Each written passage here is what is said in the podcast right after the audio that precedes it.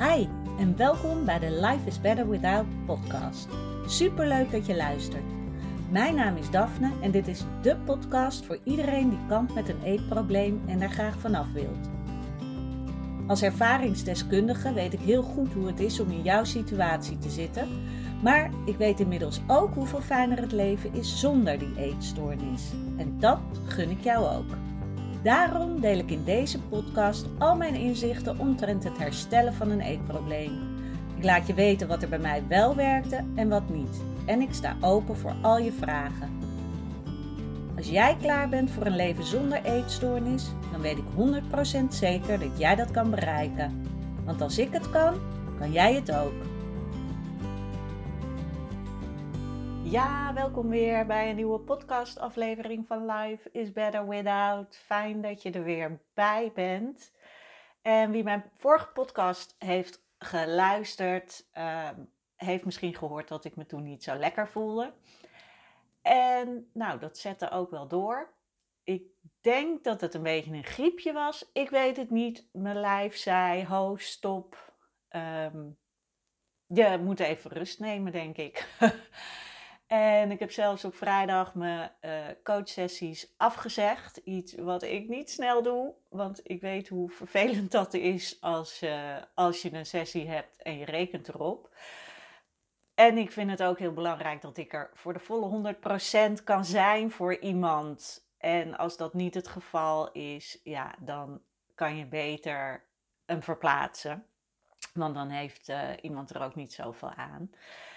Maar misschien herken je het wel, dat je echt voelt van, oh, je lijf roept als het ware van, ho stop, je kan niet meer.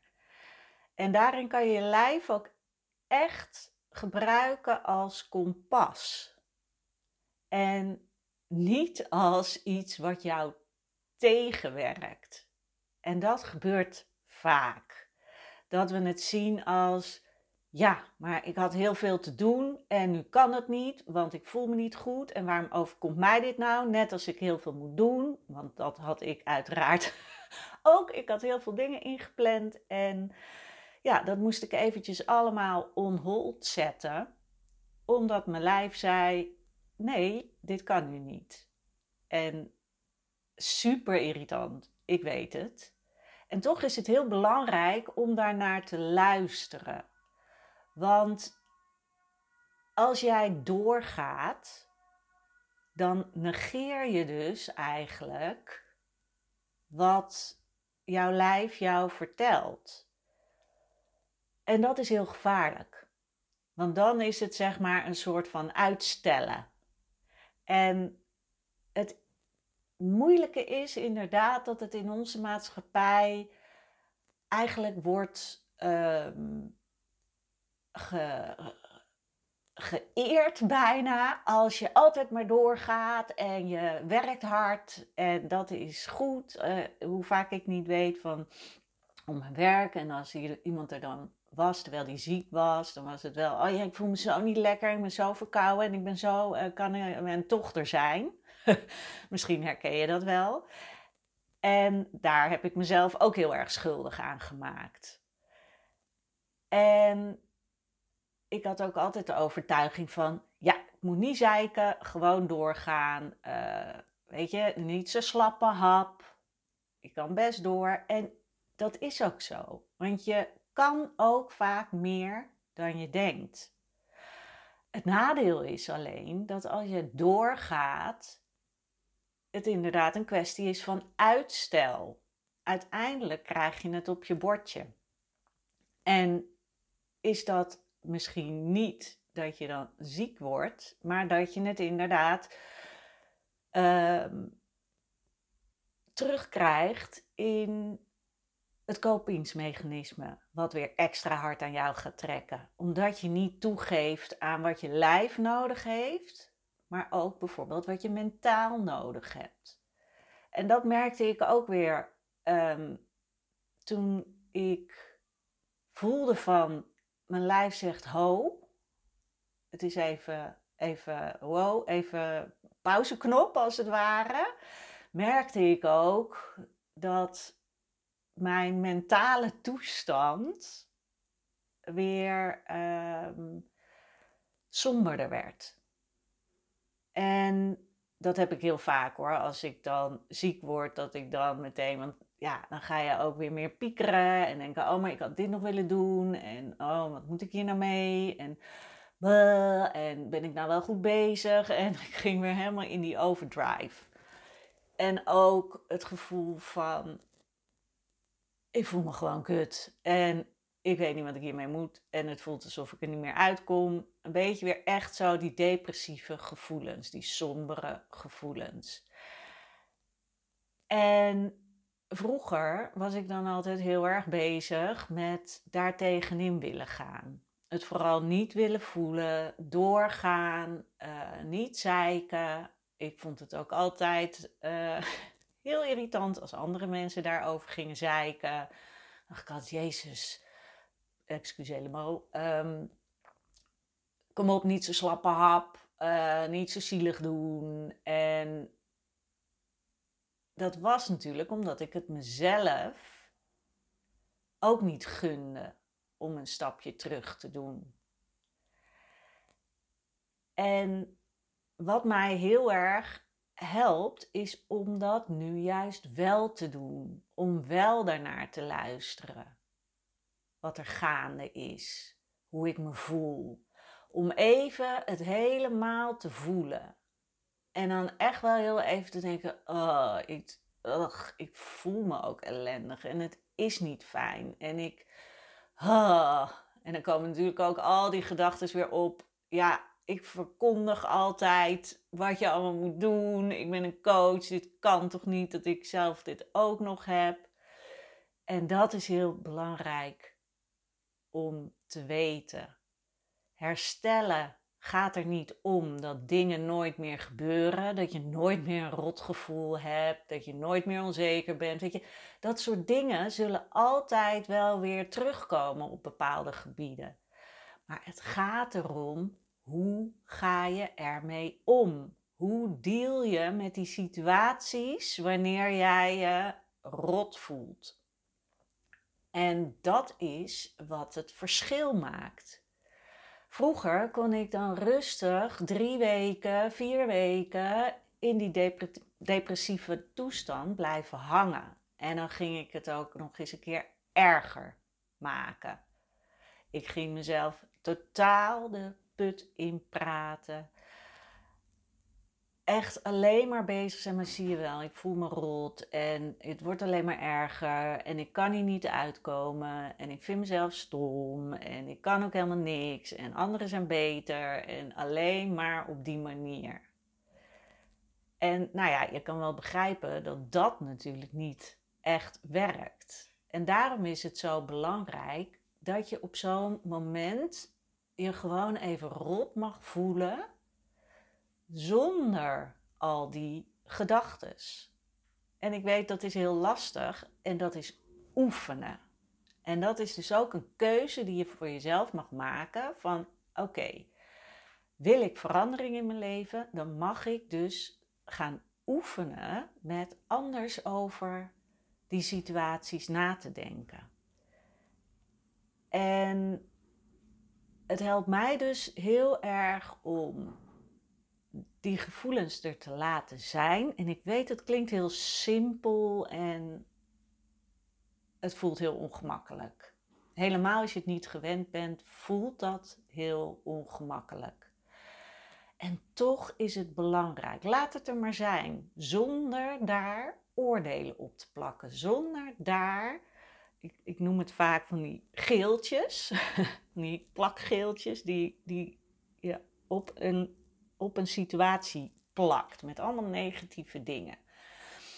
En hoe is het als die gevoelens er gewoon mogen zijn zonder dat je daar die geeltjes bovenop plakt met oordelen en gedachtes? Dan blijft ineens alleen dat vervelende gevoel over. Dat kan depressief voelen, dat kan um, eenzaam, verdrietig, boos, somber, hoe het voor jou maar voelt, voelen. Maar laat dat er zijn zonder oordelen. En natuurlijk is het goed om heel. Je mag er echt wel even in zwelgen. Want soms is dat ook even goed. Weet je, om het even nog meer aan te dikken, prima. Tot het punt dat je merkt van, oh ja, ik ben het aan het doen. En dat je jezelf dan zegt, oké, stop, dit werkt niet. Ik ga langzaam die geeltjes ervan afhalen. Dus de oordelen, de gedachtes. Ik laat dat gevoel er zijn. Zonder dat ik ga zoeken naar oorzaken of wat ik er per se aan kan doen met dat gevoel. Maar ga parallel daaraan kijken wat kan je doen om je op dit moment iets beter te laten voelen. Zonder dus echt dat gevoel weg te willen maken. Want dat hoeft niet. Maar wat kan je doen? Wat kan je daarmee doen? En voor mij hielp het dus. In het begin ging ik inderdaad lekker podcasts luisteren, omdat ik lezen kon niet. En wacht, ik was helemaal zo. En nou, vervolgens, ehm, nou, toen ik weer uit bed kwam, ging ik gewoon lekker op de bank en het gezellig maken. En een fijne serie kijken, zodat ik er weer een beetje bovenop kwam. En ook weer kijken naar, oké, wat, wat is er op dit moment wel fijn? En verder mocht ik van mezelf ook gewoon even in de luwte blijven. Niet te veel hoeven van mezelf. Gewoon zeggen, het is zoals het is. En dat wil niet zeggen dat ik er niet van baalde. Hè? Dat, ja, uh, dat was nog steeds wel een beetje zo. Maar omdat ik er uh, minder de nadruk op legde en het er gewoon liet zijn, voelde ik al langzaam weer dat ik me beter ging voelen, mentaal gezien. En daarachteraan kwam dan dat ik me fysiek gelukkig ook weer beter ging voelen. Dus dat is dan wel heel fijn. Um, maar door dus het gevoel gewoon maar daar te laten en op een ander zijspoor als het ware bezig te zijn met: oké, wat heb ik nu nodig? Waardoor kan ik in ieder geval uh, goed voor mezelf zorgen, lief voor mezelf zijn. Helpt het om weer langzaam eruit te komen. En dan voel je dat dat sombere andere spoor langzaam weer terugkomt op een, op een positiever spoor. Nou, ik hoop dat ik het een beetje goed uitleg. het allerbelangrijkste is dus: ga niet het gevoel ontkennen. Ga ook je fysieke uh, gevoel niet ontkennen. Weet je, geef er ook aan toe. En laat het er zijn. En dat wil niet zeggen dat je vervolgens um, ook niet meer voor jezelf gaat zorgen, want alles is kut. Nee, je voelt je naar en daarnaast ga je juist extra goed voor jezelf zorgen. En het allerbelangrijkste is, hè, want dat kwam ook weer uh, terug bij iemand die ik uh, coach, dat het zo moeilijk is van wat zeggen andere mensen er dan wel niet van. Weet je, dat je weer ziek bent of het nog steeds niet kan. Weet je, het doet er niet toe wat die andere mensen ervan vinden. Weet je, wat, wat maakt het dat dat voor jou belangrijk zou zijn? Wat win jij ermee als je dat belangrijker maakt dan, dan jouw eigen leven? Want dan ben je dus alleen maar bezig met over je grenzen heen gaan om maar te laten zien aan andere mensen: nee hoor, ik kan het wel. Ik voel me gewoon helemaal prima. Ik ben hartstikke sterk. Ik kan dit. Ik ga ervoor. En je loopt op je tenen. Je bent als het ware je adem aan het inhouden. Huh, totdat de bom barst. En nou, bij jou, want waarschijnlijk heb je een eetstoornis, anders luister je deze podcast niet.